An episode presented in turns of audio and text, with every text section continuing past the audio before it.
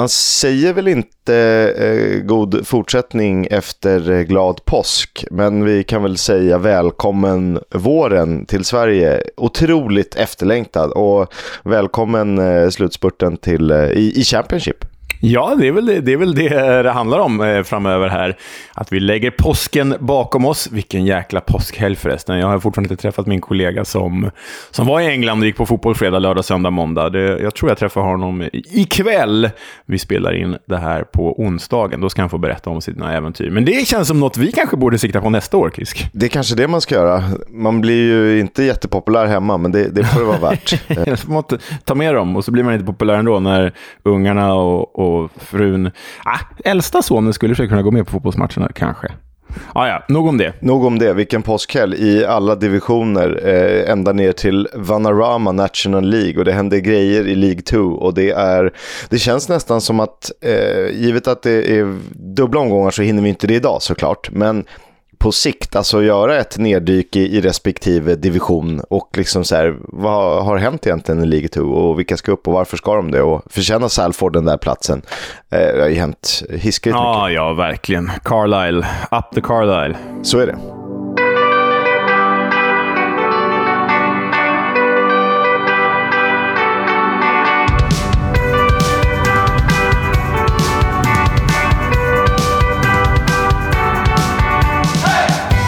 Du lyssnar på Football's Coming Home, en podcast om Championship först och främst. Men även League 1 och League 2 och lite National League om vi så vill. Jag heter Oskar Kisk och med mig har jag såklart Leonard Jägerskiöld Welander, ständigt närvarande. Ja, och det är vi glada för att vi båda två får ihop våra eh, respektive livspussel så vi kan snacka med er. Det gör vi ju. Mm. Mm. Eh, vi dyker rätt in i ett hektiskt postschema, för det är ju så i England att eh, långfredagen är ju eh, en lite light-version av Boxing Day och en stark fotbollstradition. Det var ju även så för, för högsta divisionen back in the days, men eh, det, man ändrade väl det för att det skulle passa bättre med tv-tider och liknande. Men långfredag alltså. Eh, först ut Rotherham, West Bromwich Albion. Ja, och eh, det var ju en viktig match i bägge delarna av tabellen. Nu är det lite överdrivet att säga att West Brom är i enda, en, ena delen av tabellen. De, men hade kunnat vara, borde varit. Borde vara, det vill ju vara det i alla fall. Så det, det hade ju faktiskt bäring åt bägge håll. Rotherham försöker undvika nedflyttning och West Brom eh, jagar ju desperat playoff-plats. Och vinnande ur den här tills tillställningen gick ju The Millermen, Victor Johanssons Rotherham, för det slutade ju 3-1 till Rotherham på New York Stadium. Och eh, det var ju faktiskt så att eh, släkten är värst, som det brukar heta, eller hur Kiss? Jordan Hugill, tidigare utlånad till West Bromwich Albion, sänkte ju nu The Baggies med två baljer för Rotherham. Ja, och eh, det, det blev en liten hysch mot eh, de gästande supportrarna. Det är liksom äntligen att det lossnar för honom, för spelmässigt har det ju funkat och jag tror att han har varit en viktig röst i omklädningsrummet, klivit in som, eh, han är väl till och med lagkapten när inte Connor Coventry är det, om jag inte eh, missminner mig. Men eh, kul också att han får göra mål så såklart. Eh, dessförinnan hade John Swift satt en boll från straffpunkten. Där brukar han vara säker eh, på liggande boll. Men eh, det hjälpte föga i det här fallet. Och, eh, Gästerna eh, började ju bäst, men eh, 10-5 i avslut på mål vittnar ändå om att Rotherham, det var deras match. Ja, men det var ju det och det kändes ju... Alltså, det är, det är det klassiska det här motivation slår klass, men det är konstigt att West Brom inte skulle vara så motiverade i det här läget. Men det är någonting som bara har totalt slutat fungera nu med, med West Brom, även under Corberan. Eh, det, det, är någon, det är väl kanske för mycket stök utanför plan och det är protester från supportrar hela tiden. Men det är något som inte riktigt lirar det här, för de ska ju vara bättre även under Corberan kan jag tycka, för manskapet är bra. Dock skulle jag säga att de hade många skador inför den här matchen. Alltså de hade ju Grady Diangana, Jason Malombi, eh, Dara O'Shea, Jake Livermore och Adam Reach, alla borta. Alla inte nyckelspelare, men alla borta. Ja, men det är ju en, liksom, eh, inte central linje, men det är ganska tunga pjäser eh, som man ändå kan vila sig mot. Sen är det inte de som har varit matchvinnande. Det har ofta varit John Swift, som jag tycker ska kunna vara lite bättre. Eh, Jed Wallace som verkar ha tappat lite tempo. Sen vet vi att Daryl Deek är, är ju upp och ner formmässigt. Um, ja, nej. Uh, sen ska det tilläggas att Victor Johansson uh, spelade matchen såklart, var viktig såklart. En av seriens bästa burväktare. Absolut, det är han. Eh, vi går vidare, vi åker till Lancashire där eh, Blackburn mötte Norwich och det här var ju lite av en direkt fight mellan, eh, om liksom playoffplatserna. För Blackburn eh, har ju en i, i, eh, i ryggsäcken som de vägrar släppa på något konstigt sätt. Men Norwich gjorde det de kunde. Ja, för Norwich låg ju precis utanför playoffplatserna där och de vann faktiskt 2-0 på Ewood Park. Liam Gibbs eh, med ettan, Gabriel Sarah, den fina brassen, med tvåan. Och de tog väl på något sätt liksom sista chansen, sista livlinan här för att haka på eh, det eh, avgående playoff-tåget. Eh, Pukki eh, ersattes ju av Gibbs och Gibbs svarade med att göra ett fint solomål. Det är ju så att det har kommit ut i, i dagarna att Pukki ska ju lämna Norwich efter säsongen. Hans kontrakt går ut och han vill testa något nytt. Eh, så det är väl bra om de kan hitta någon annan målskytt där. Men stora, stora grejen, det var ju stora släggan mm. från Gabriel Sara. De får ju lägga om nätet där på Ewood Park för att eh, den satt rakt upp i taket. Verkligen. På det dystrare hållet då för Norwich var ju att Grant Hanley klev ut skadad eh, med hälsenan. Förmodligen då eh, säsong, borta säsongen ut. Inte jättemycket kvar, men eh, ändå ett tungt slag att tappa en rutinerad pjäs. Men hyfsat jämnt här mellan Blackburn och Norwich där Angus Gunn svarade för flera fina räddningar för The Canaries och eh, var starkt delaktig i att de, eh, de tog den utsträckta handen och eh, liksom jagade playoffplatsen. Vi får väl återkomma med en summering av vilka lag som faktiskt kan slåss om den här playoffplatsen. Mm, det är ju många matcher att summera från långfredagen och annandagen, så vi kan väl titta till tabellen sen då. Blackpool och Cardiff är ju två lag som absolut inte har någonting att göra med playoffstriden. Däremot slåss de i botten och eh, efter eh, ett par tunga insatser så ser det ganska mörkt ut för Blackpool. Eh, däremot tog ju Cardiff, en viktig Victoria här uppe i eh, nordväst vid kusten. Ja, för det blir ju Blackpool 1 Josh Bowler gjorde det målet och då stod det ju redan tre till Cardiff. Connor Wickham, Sorry Kaba och Joe Rolls hade ju alla gjort mål i den första halvleken. Och det var ju en överkörning här. Det var ju klasskillnad trots att det typ skiljer, skilde inför det här mötet två platser mellan dem. Men, men Blackpool börjar ju mer och mer se ut som en tabelljumbo och eh, Cardiff eh, kommer väl kanske klara sig av då klarar sig kvar. Ja, man ska ju inte liksom ropa hejen, för det har ju skett konstiga saker att något lag har studsat till och vunnit fem raka, eh, bara sådär. Men det här kan väl förmodligen ha varit matchen som sköt Blackpool till League One. Eh, Ja, nej men absolut. Sen eh, var det ju... Conor Wickham svarade ju på kritiken. Han har ju varit ute, mer om det nysegmentet, men han har ju varit eh, i lite negativa rubriker i veckan. Har ju eh, tydligen setts inhalera lustgas. Eh, då svarar han med att göra ett mål och en assist. Så det, det var ju hans kontring på den incidenten. Han eh, kallades absolutely stupid, eller hans agerande av Sabri Lamucci. Men eh, om man ska svara på kritik är det så här man ska göra det. Josh Bowlers tröstmål kom alldeles för sent. Ehm, sen så Rikaba eh, gjorde sitt femte mål på 12 matcher efter lånet från Midtjylland och det är ett eh, superfint facit ju för en lånespelare.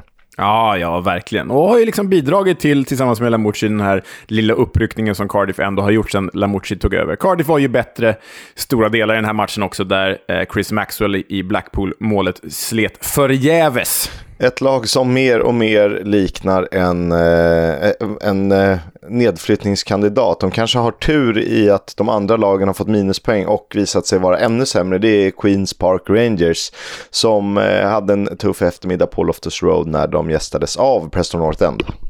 Ja, ett av seriens bästa bortalag är ju Preston North End och då är det tufft när man är ett av seriens sämsta lag i QPR. eh, nej, QPR 0, eh, Preston North End 2. Superfyndet, eh, den från Everton inlånade Thomas Cannon med matchens bägge mål. Eh, och han har ju klivit in otroligt bra när Ched Evans går skadad och Troy Parrott är iskall. Så PNI har ju faktiskt hittat sin målskytt till slut. Det har de. Eh, QPR har ju inte hittat någon. De hittade inte rätt i den här matchen i alla fall. Eh, det var så tydligt ett lag i total icke-harmoni när Ilias Shahir kommer hyfsat fri, mer eller mindre från halva plan. Och liksom skjuter utanför, 3-4 meter utanför och det är som om man, det är så det ska vara. Den där hade han ju smekt in på teraptvis lågt i, i bortre hörnet och så hade den suttit fast där än idag.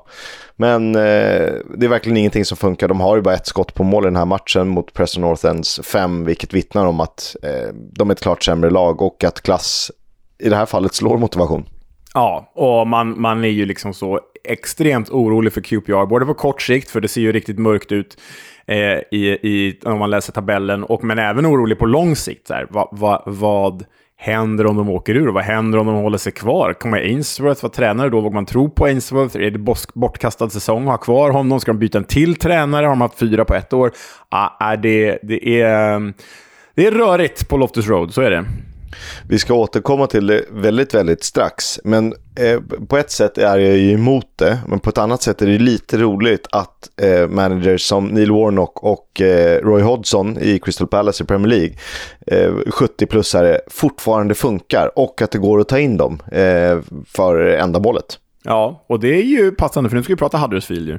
Det ska vi verkligen göra. Eh, på tal om motivation slår klass Eh, Eh, så var ju det fallet när Huddersfield gästade Watford och lika eh, icke-imponerande som Watford har varit, lika imponerande har ju Huddersfield varit de senaste fem matcherna.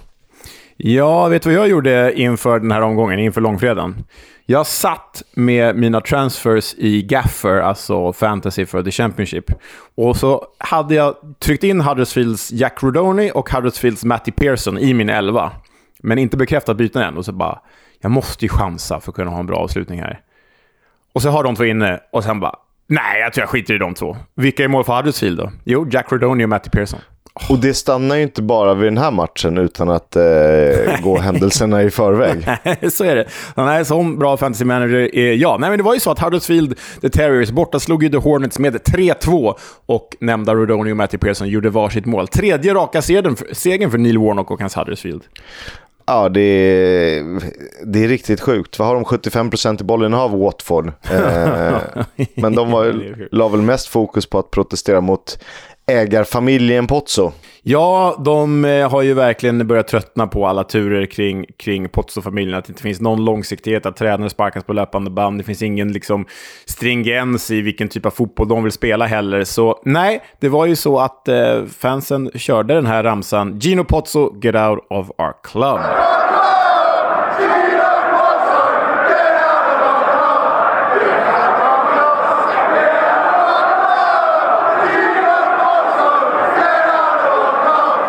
Kan man väl förstå när liksom eh, varken tränare, sportsligt råd eh, eller något funkat eh, så pass bra de senaste åren och det har varit lite jojo-känsla. Då eh, väljer man väl det spåret.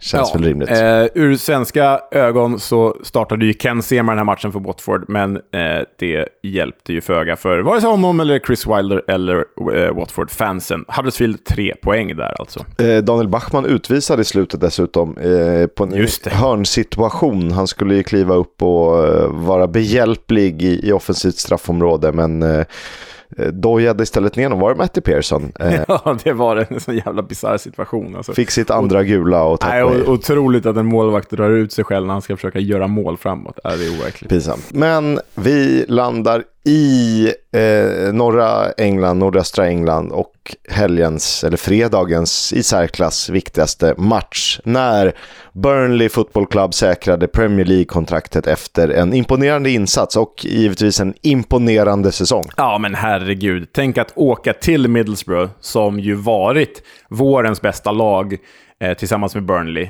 eh, i The Championship. Åka dit, veta att man säkrar uppflyttning om man, om man vinner och eh, så vinner man. Äh, det är otroligt starkt. Det är så fruktansvärt starkt och så on point Burnley den här säsongen. Det är inte bara det att Burnley är bra och spelar tiki-taka-fotboll. De är ju liksom...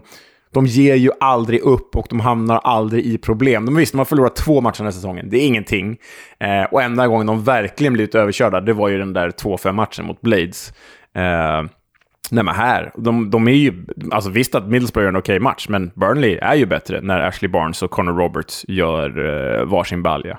Ja, misstänkt offside på första målet, men det är väl lite så det funkar om man är eh, serieledare och seriesuverän. Det är då, de domsluten man får med sig. Ja, nej, absolut. Och det är så här, sådana där domslut kommer ju gå åt bägge håll. Så visst, men det är ju klart att det blir extra speciellt när det är ett lag som säkrar uppflyttning på det. Men det var ju bara en fråga om tid. Men det här innebar ju också att eh, Burnley blev ju första laget i Championship-historien att bli uppflyttade med sju matcher kvar, eller, eller mer. Eh, tidigare rekordet var ju sex matcher kvar, som Reading hade bland annat. Så eh, fruktansvärt imponerande av ett, av ett liksom helt omstöpt Burnley. Det är ju ett helt nytt lag jämfört med för ett år sedan. Ja, men så är de ju också obesegrade i ligan sedan november, vilket säger väldigt mycket om deras eh, kvalitet. Det är ju hiskeliga siffror. Eh, och nu, eh, tredje raka sessionen i Championship som man blir eh, uppflyttade också. Mm. Och det låter ju som ett jojo-lag, men grejen de har ju liksom lyckats ju hålla sig kvar i Premier League ett par säsonger. Så det blir ju inte lika mycket jojo som Norwich och Fulham som bara kör varannat år. Men äh, bara det är ju imponerande. Då har man ju så här, det finns en trygghet i att åka ur, för man vet att man går upp. Så är det. Eh, sa, sades det inte att West Brom för ett gäng år sedan, när de här stora fallskärmarna från Premier League infördes satsade på att åka ur direkt för att de visste att äh, men vi kommer gå upp igen och då kommer vi ha ännu mer pengar. Nej, det var ju helt sjukt om någon, någon tänkte så. Det låter lite, lite väl riskabelt. Är det foliehatt eller?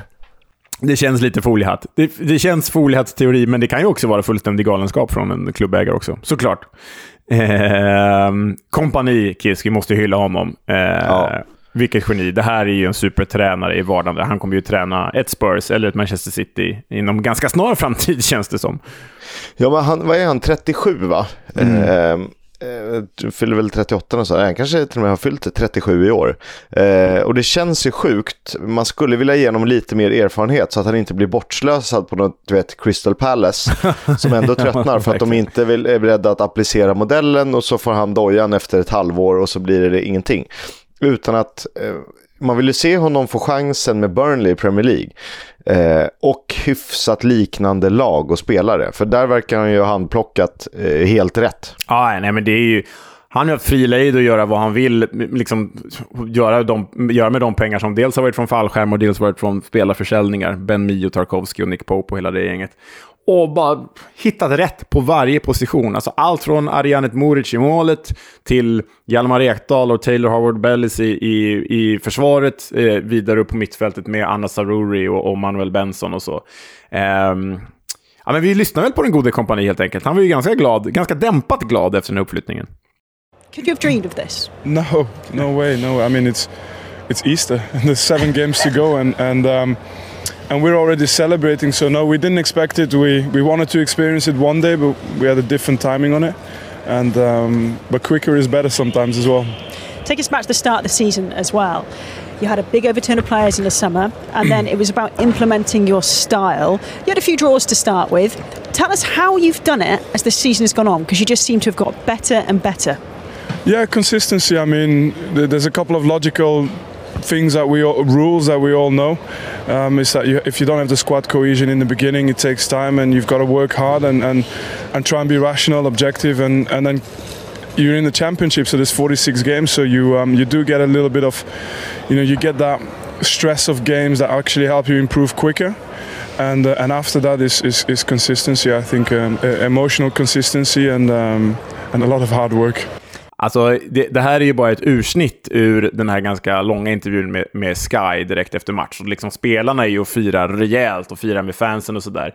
Kompani är ju liksom, han är ganska nedtonad. Han säger ju så här att eh, nu, det här var bra, men vi ska inte fira än. Vi ska ju vinna den här serien också. Och det, han känns som ett sånt jäkla proffs, precis som han gjorde som spelare också. Han, och han känns ju inte tråkigt proffsig. Du vet att du måste skala bort allt det charmiga för att fokusera på att eh, sköta dig.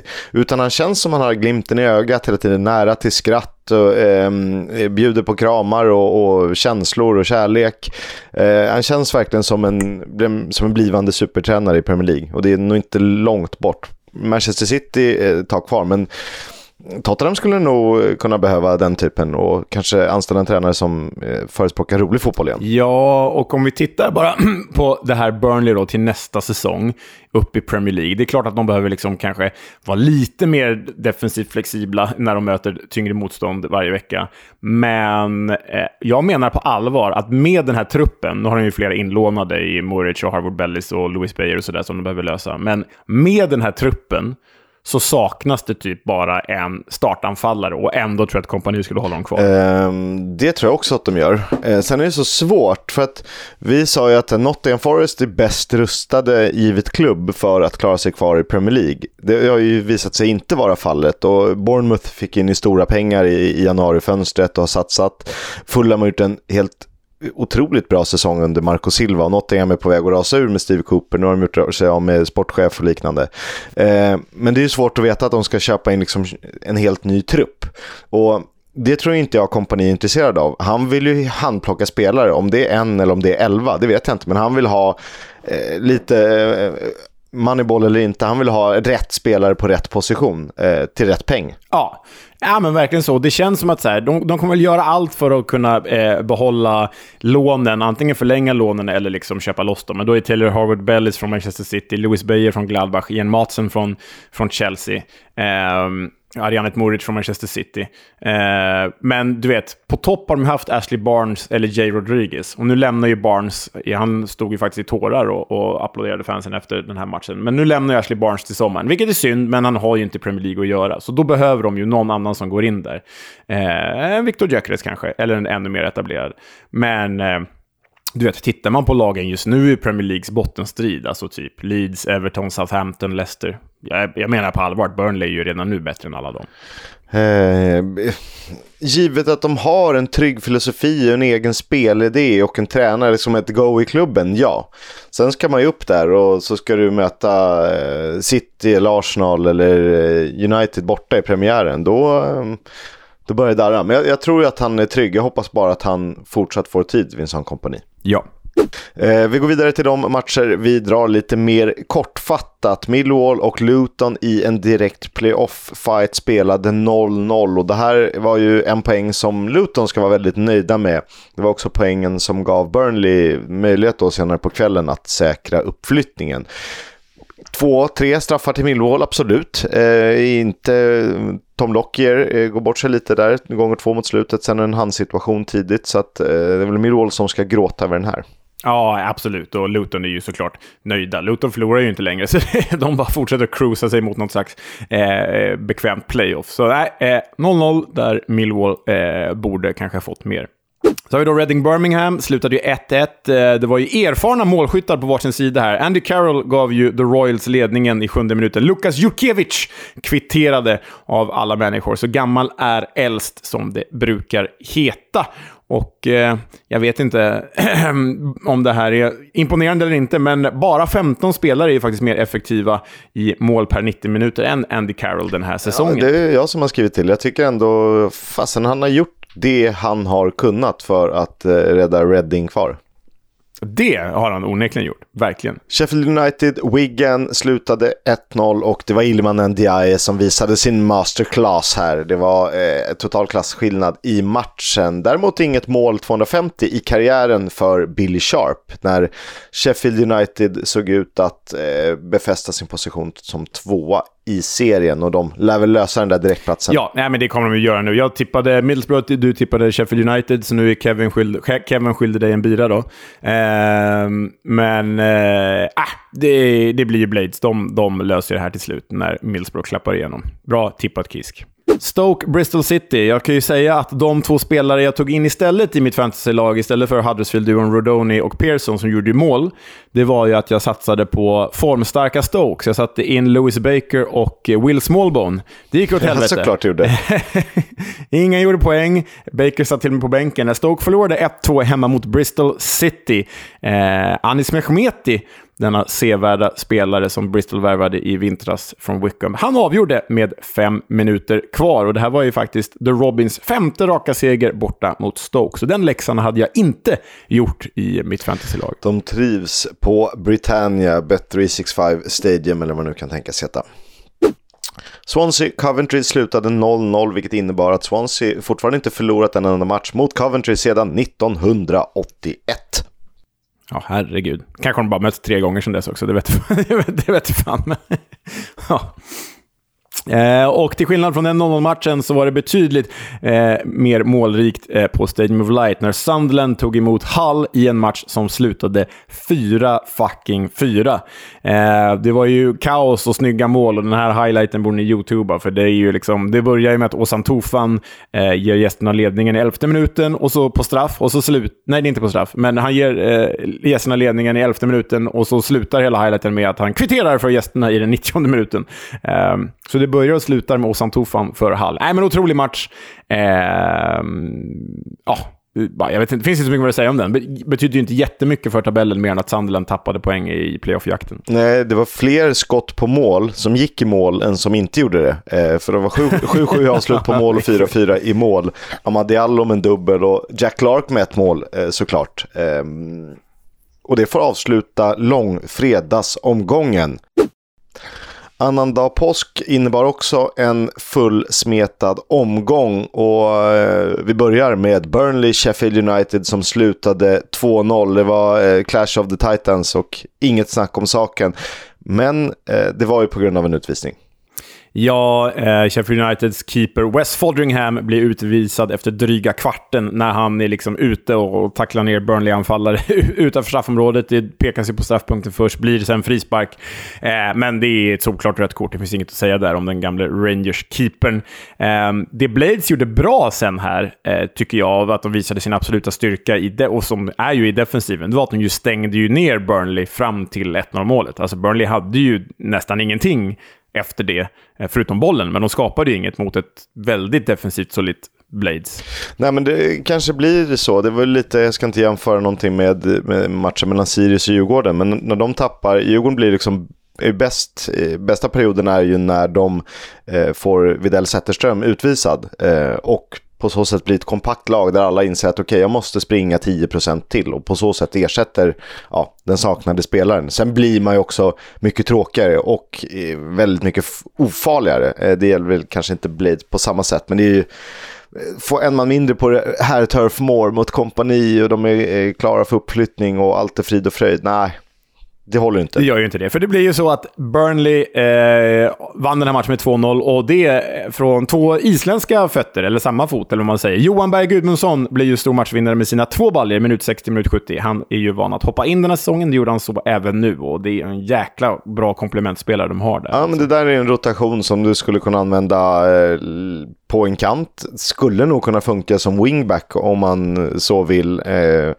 funkar även på topp i, i, i, värsta fall om man ska spela Premier League. Så det där är perfekt att ha i truppen. Det har jag visat tidigare också.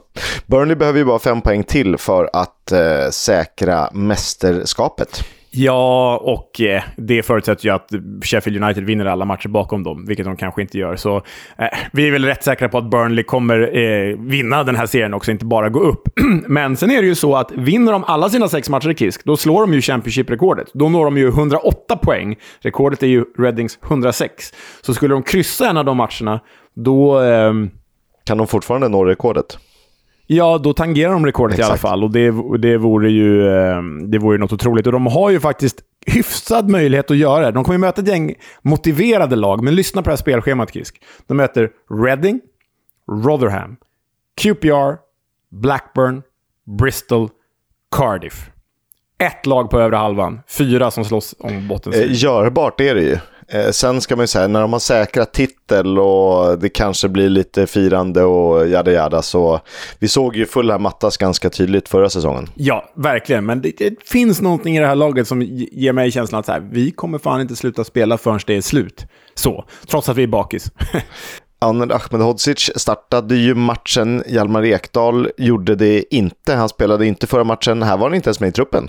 Det är du. Nej, och han spelade ju inte i fredags heller där. Och, och vad är grejen där, Kisk? Vad är, det som, vad är det som det sägs vara? Vad handlar det om? Ja, men, eh, den konspiratoriskt lagda eh, undertecknad tänkte att så här, nej, men de har transferembargo och det finns inga pengar nu så att eh, de vill spara eh, slantarna som de behöver betala till Djurgården. Men om jag har förstått det rätt så har han fått, liksom, han har nått sina personliga klausuler då för, eller nått upp till nivåerna eh, den här säsongen. Eh, och nu har de säkrat Premier League så det kickar väl in någonting till. Och det ska även vara så till Djurgården eh, om jag har förstått det rätt. Eh, så att eh, kanske väljer de att inte chansa givet en hjärnskakning som kan förvärra situationen och han får vila. Ehm, så att, är det svårt att veta. Mm. Mer än så. Mm. Så pengarna är på plats i alla fall.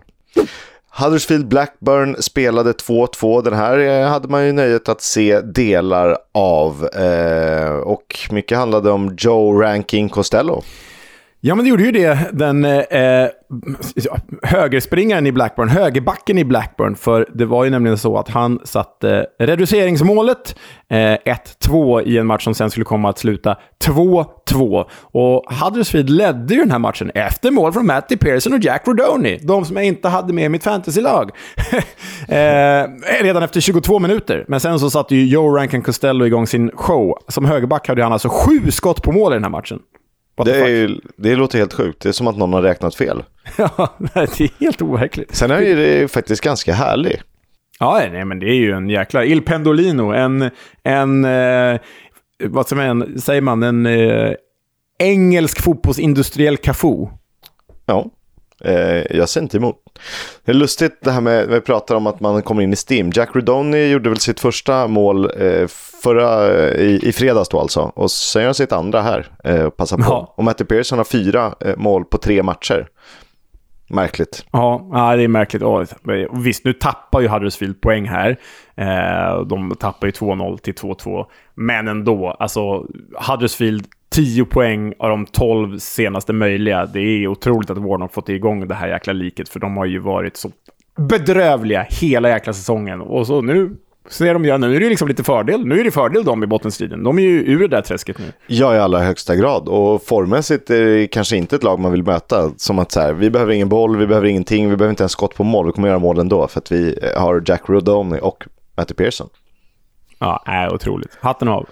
Eh, På tal om Blackburn då. Eh, Det känns ju sådär nu. Ja, nej men eh, de klamrar sig ju fast där med minsta möjliga marginal på playoffplatserna. Men eh, de behöver nog vinna två raka här för att, för att skaffa sig lite andrum. Eh, målskillnaden är dålig. De har ett PNI som flämtar dem i nacken. Norwich som man inte ska räkna bort givet att de har en bra truppbredd. De kanske inte spelar på hemmaplan, men ändå. Ja, nej, precis. Nej, men det vore ju ytterst eh, deppigt för Blackburn att ligga på playoffplats hela säsongen och sen tappa i sista omgångarna mot derbyrivalen eh, PNI. Ja, det vore ju det vore ett eh, deppigt slut för dem. I allra högsta grad. Eh, det där ska bli spännande att följa såklart. Blackburn har också en match till godo. Det var ett eh, Tangerine-derby när Luton tog emot Blackpool. Har ni hört något så roligt som ett Tangerine-derby? Ja, det låter ju väldigt härligt. Ehm, ja, Luton avfärdade ju Blackpool ganska enkelt. Det här var ett Blackpool som då hade hunnit med att sparka eh, Mick McCarthy. Tråkigt eh, nog för mig, eh, bra nog för Blackpool. Men det hjälpte ju inte. De tog ledningen borta mot Luton, sen förlorade de med 3-1.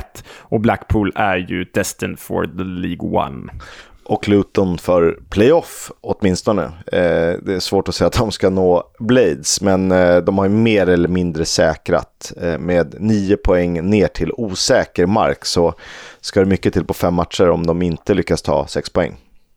Mm. Och vad har vi för odysséer där ute i världen, Kisk? Vad har vi för liksom långa resor i populärkulturen och hi historiska skrifter? Vi har ju eh, Odysseen då förstås, den här eh, antika grekiska texten av Homeros. Vi har ju Nils Holgerssons eh, underbara resa. Gullivers här- resor. Den, Gullivers resor.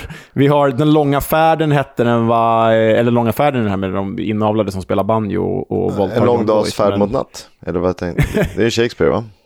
Ja, det är Shakespeare. Och så har vi den här som kom när du och jag säkert var 6-7 år. Det är ju två hundar och en katt som ger sig ut på, på någon vandring, en film där. Eh, jag tror också den heter typ Den långa vandringen, tror jag den heter. Ja, men det finns ju många eh, resor och många epos, men frågan är om någon är så lång och vindlande som Pelly Roddock Pansos. För det är nämligen så, om Luton skulle gå upp i Premier League den här säsongen, så blir ju den här matchens tvåmålsskytt Pelly Roddock Panso den första spelaren i fotbollshistorien att gå från någon League till Premier League med en och samma klubb. Ja. Han eh, lämnade ju West Ham 2013-14 för spel i Luton Town i, då i Conference Premier. Eh, sen fyra säsonger i League 2, en säsong i League 1. Eh, nu är det ju fjärde säsongen i Championship och kan då alltså nosa på Premier League och det hade ju varit eh, fantastiskt häftigt. Ah, otroligt alltså. Otroligt. Eh, att Carlton Morris fortsätter att imponera, ja, men det vet ni nog vid det här laget. Han gjorde 1 plus 1 i den här matchen och han skuggar bakom Viktor Gyökeres i skytteligan som trea, delat med Nathan Tella. På tal om playoff-kampen och på tal om PNI, efter, ja, det här var ju deras fjärde seger på de fem senaste. 2-1 mot Reading och de har ju verkligen häng. Visst, Blackburn har en match till godo, men givet formen och Eh, hur de har presterat eh, på sistone så eh, Ryan Lowes manskap kan ju vara där. Ja, och det är ju helt otroligt. Vi, vi, man, man var ju liksom sugen på PNI i början på säsongen, du vet när de höll nollan där i sju eller åtta raka matcher eller vad det var. Men sen har vi ju räknat bort dem. Jag menar, för bara tre eller fyra veckor sedan satt vi här och gick igenom playoff-striden och så här, ja, på nåder tog, ner, tog med PNI som då låg på tolfte plats. Att, ah, om de vinner alla sina matcher så kan de väl vara med. Nu har de gjort det. Och nu är de ju på samma poäng som Blackburn och Millwall. Millwall femma, Blackburn sexa, Preston, North End sjua. De har ju dock minusmålskillnad, liksom Blackburn. Det har ju inte Millwall och det har inte Norwich som ligger där en poäng bakom. Men de är så... Man klättrar fort när det är jämnt alltså, för det är ja, ohyggligt imponerande alltså. Jag vill minnas att jag kallade dem eh, tillsammans med något annat gäng. Ja, det var väl de och Bristol City som var liksom, det här är seriens mittenlag. Ja, ja, ja precis. Eh, och kanske att PNI var liksom the mittenlag. det fick man ju checka upp såklart. Ja, men de har ju liksom kunnat dra nytta av dels den här formtoppen då förstås, men också att ligan i år Eh, vissa hävdar att den inte är lika stark som förut. Jag hävdar nog bara att den är jämnare än förut. Jag, alltså, jag, jag tycker typ, det, det, är inte sämre kvalitet i år än förra året, men den är ju jämnare.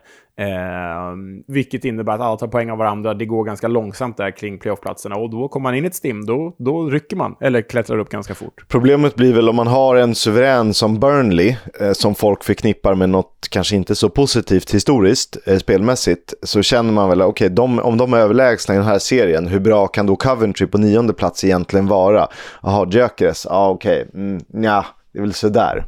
Men eh, visst, det ligger någonting i det du säger. Jag tycker fortfarande att det känns det är väldigt många lag som underpresterar givet förutsättningarna. Jag tänker främst på Norwich, på West Brom och på Watford eh, som borde kunna göra betydligt bättre saker i den här serien. Men eh, det är inte deras fel att det finns tränare som eh, Neil Warnock. Nej, exakt. Warnock utmanövrerar alla. Ja, eh, PNI som sagt tre raka segrar och bara en förlust på de elva senaste. Och vem avgjorde? Om inte Brad Potts, de snygga målens man, som dock svek lite den här gången, för det var inte så snyggt. Det var det verkligen inte. Eh, Tom Cannon gjorde matchens första mål, eh, sitt sjunde sedan inlåningen från Everton. Eh, och han har nu gjort fyra på de tre senaste, eller sex på de sex senaste. Supersuccé såklart. Ja, eh, verkligen. Och sen då åtta raka matcher utan seger för Reading. Och han som gjorde målet är ju en 19-årig Reading-fostrad anfallare. Hans första mål på seniornivå och han heter, nu kör vi, Kelvin Osemodiamen Ehibathomian. Det vet jag fan om det blev rätt. Oh, men, eh, snyggt uttal. jag vet inte hur nigeriansk engelska låter egentligen, men eh, ja, det var ett försök till det i alla fall. Eh, jag var tvungen att lägga till mellannamnet också, så att vi inte, det är någon oklarhet i vilken Kelvin det är. ja, precis. West Bromwich Albion såg ut att kryssa mot en stabil trea hemma mot Queens Park Rangers och jag skrev något skämtsamt haha QPR när de körde. Fast det var inte hånfullt på något sätt för att jag gillar ju QPR såklart. Eh, men det fick jag checka upp. Det fick du och West Brom käka upp. Och det var ju mer West Brom fick käka upp, för den här matchen föranleddes ju av protester från hemmafansen mot ägare Gushuan Lai, eh, denna bondskurk till ägare. Eh, men det sket ju Baggis i inledningsvis, för de ledde ju med 2-0 efter 13 minuter. Men det slutade 2-2. Det gjorde det. Brandon Thomas Asante, typ mål 8 för säsongen och därefter Semi Ajayi. Eh, så det stod 2-0 redan efter 13 minuter, men eh, Lyndon Dykes reducering lät inte vänta på sig och sen i början av den andra halvleken bjöd Josh Griffiths, West Bromwich-målvakten, på 2-2 målet när ja, Chris Martin bara behövde stå i vägen och så studsade den in eh, komiskt eh, komiskt eh, kvitteringsmål. Vet du vad vi borde göra? Vi borde gå igenom alla West Broms bakåtmål den här säsongen och räkna hur många man kan skylla på målvakten och därmed hur många poäng. För jag tror att tar man bort målvaktstavlor den här säsongen, de flesta David Button förstås, men även Josh Griffiths ett par nu, tar man bort alla de tavlorna, som inte har med spel att göra, utan det är tavlor, så tror jag att de skulle ligga på playoffplats. Det gör de i allra högsta grad. Och för kollar man perioden när de stod med Alex Palmer, eh, han har väl 17 matcher och typ 16 hållna nollor, eh, skämt åsido, men han har ju högst eh, hållna nollan procent och har väl toppar väl, eller topp tre på, på räddningsprocent. Så att, eh, att han blev skadad kan ju ha kostat säsongen. Ja, absolut. Sen tycker och, inte jag de kan skylla på det för att de tycker de ska vara bättre ändå. Men eh, ja, en, en trygg målvakt är en trygg eh, backlinje och vice versa. De ska vara bättre ändå, men de skulle aldrig gått in i den här säsongen med David Button, the andra målvakt of the Championship. Liksom. Skulle aldrig gått in med honom som första keeper i en säsong. Då får de skylla sig själva. Eh, QPR är viktig pinne för dem. Fortfarande bara en seger på 19 senaste. Ainsworth har bara fyra poäng på åtta matcher som tränare. Men det här är ändå en stark pinne på pappret. Det kanske ger vind i seglen i den där desperata bottenstriden. Eh, fyra ut, raka utan seger för Baggies som nog missar playoff har jag skrivit. Ja, de har ju också en hängmatch. Eh, den är väl inte av den lättare karaktären, men eh, vinner de den har de ju fortfarande chansen. Alltså vinner man alla sina matcher så har man ju typ en playoffplats. Ja, men då ska de göra det också. Och det ser man ju inte riktigt i det här West Brom. Ett lag som inte kan vinna sina matcher just nu är Millwall. De åkte till MKM Stadium heter det nu med tidigare KCOM Stadium. Eh, rugbyarena kallar jag det. Eh, mötte Hall. Det gick ju sådär. Mötte Hall. Uh, Mkum Stadium från att vara Kukum Stadium. ja, nej, men uh, det blev ju en 0-1 förlust för tillresta Millwall. Uh, Adama Traoré avgjorde med sitt första mål för Inte The den Tigers. Adama Traoré Millwall... alltså? Nej, och inte den andra Adama Traoré heller, utan det här är den tredje Hette han Adama inte Traoré. Adana Traoré med en, Niklas N? Det kanske han gör. Den första Ad Adana Traoré som var, han var väl någon sväng i Ryssland va? Ja, det kanske han var. Jag, jag har bara fastnat på... Eh, det var väl Guinea som i senaste afrikanska mästerskapen hade tre Adama Traoré i sin, eh, Okej, sin landslag. jag ska inte gå in på, på deras stavningar och grejer. Nej, okej. Ehm, men eh, Millwall dominerade ju faktiskt den första halvleken här. Lyckades inte göra mål. Eh, eh, det går inte så bra för Sian Fleming eller Bradshaw för tillfället. Det är ju nämligen så att Millwall har fyra raka utan seger och de har blivit nollade i alla fyra. Ligger fortfarande på playoff, men vi vet att förlust nästa omgång så kommer de inte ligga kvar på playoff med stor sannolikhet. Så de måste börja vinna. Eh, det, man har inte råd så länge till, men det är också att fördelen med att det är jämnt, att det inte är så många lag bakom som kan liksom klättra förbi dig, för de ska ju förmodligen också möta varandra eller något annat tufft gäng. Så att, eh, det är lättare sagt än gjort att, påbörja en klättring om man inte heter PNI. Exakt. Några matcher till att prata om. Bristol City mötte Middlesbrough. Den matchen slutade 2-2 och innebär väl förmodligen att eh, Middlesbrough missar direktplatsen. Ja, nej men de måste vinna de kvarvarande matcherna och Blaze får typ vinna en till. Så nej, den direktplatsen är missad och Kevin är skyldig dig en öl.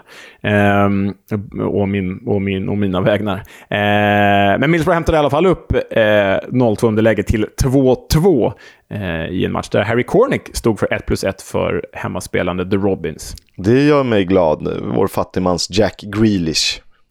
Mm. Eh, tre raka utan seger för Borough, bara en vinst på de fem senaste och eh, det blir ju sviten som avgör det. Det här var den fjärde 2-2 matchen för, eh, för omgången. Det är väl spännande fakta. Det, är ju, ja, det är ju sjukt faktiskt. Vi går vidare eh, med eh, lite snabbt avhandlade matcher. Cardiff-Sunderland slutade 1-0 till gästande Sunderland. Dennis Churkin med matchens enda mål. Eh, de håller ju playoff-drömmen vid liv där, men det är ju mer en dröm än en realitet, känns det som. Cardiff eh, vann ju i fredags, förlorade här. Det ser farligt ut för dem. De är bara en pinne före Reading som ligger under strecket. Och Cardiff har faktiskt bara en seger på de fem senaste. De har ju en match till godo tänkte jag säga. Det, betyder, behöver inte betyda någonting. Det är ju den matchen som ska spelas om eh, mot Rotherham från början, konstigt nog. Eh, hade Rotherham varit lite schyssta hade de bjudit på det, men det är inte ett läge man bjuder på någonting i en bottenstrid i Championship såklart. Nej. Eh, på tal om 2-2 matcher, Coventry-Watford.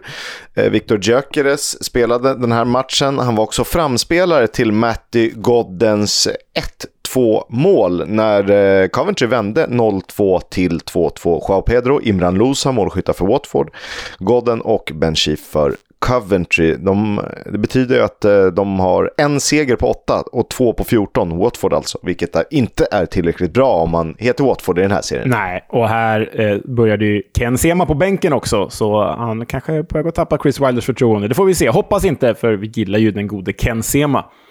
Birmingham Stoke slutade 0-0. Vi säger väl inte mer där än att det var den mest givna 0-0-matchen någonsin. Jag tror att vi sa typ samma sak om det liksom omvända mötet i höstas, men jag, vet, jag kommer inte ihåg var den slutade. Ja, men då ljuger vi i alla fall inte. Eh, Norwich eh, kan ha en hemmaform som kostar dem en playoff-plats för att de är ju bedrövliga på Carrow Road sett till hur bra de faktiskt borde vara. De, är ju, de har ju vunnit nio matcher på bortaplan, åtta på hemmaplan och eh, det är inte okej. Nu möter de Rotherham och vi är så jätteglada för att eh, Victor Johansson fick hålla nolla. Den slutade 0-0. Det var Victor Johanssons elfte nolla för säsongen och eh, Canaries hade ju faktiskt kunnat ha en playoff-plats om de hade vunnit den här matchen matchen. Eh, det gjorde de ju då inte, så att de är ju strax bakom där. Ja, och imponerande pinne av Rotherham igen, som verkligen spelar över sina resurser. Eh, är starkt. Wigan-Swansea 0-2. Eh, jag sa ju att Wigan skulle liksom eh, kliva samman och bli ett nytt Derby under den här slutspurten, men då ska man ju slå ett Swansea hemma som inte har något att spela för. Det gjorde man inte. Joel Perreault istället stor matchvinnare med två mål. Hans mål 15 och 16 för årets skytteliga femma. Fjolårets skytteliga tvåa var han väl. Ehm, det känns som att... Trea va? Bakom Solanke. Ja. Eh, det känns som att han har gjort en mycket sämre säsong än förra säsongen och att han borde gjort typ 10 till. Men det här är ändå hyfsat imponerande siffror i ett ganska dassigt Swansea. Eh, helt klart. Eh, han känns ju som en spelare som skulle kunna kliva in i Premier League. Eh, inte att han gör 16 mål, men att han kanske gör 7-8 i något eh, halvhyfsat nedre mitt i en gäng. Ja, vad det nu är. Burnley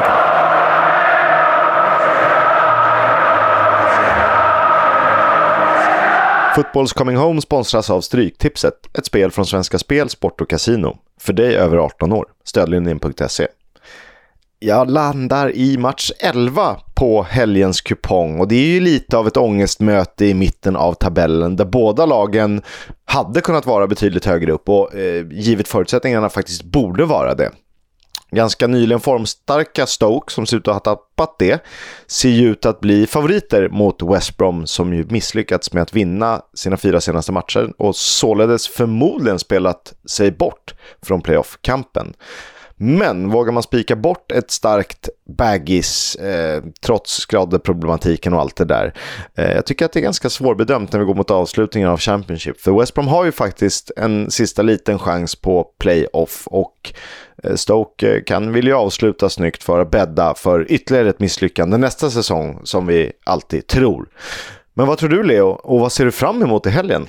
Nej, men eh, jag ser ju främst fram emot eh, fredagens match, Middlesbrough mot Norwich. Inte för att den är avgörande på något sätt för Middlesbrough i nuläget, men Norwich behöver ju göra någonting och de är ju alltid bra på bortaplan.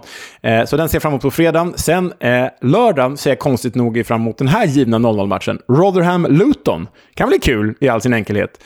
Eh, och så ska det ju sägas att det här är en så kallad vi går in i en likadan vecka igen, Kisk. Där är en sån här dubbelomgång. Det är ju helgen och så är det tisdag och onsdag igen. Pang på bara. Boom. Åh, oh, herregud.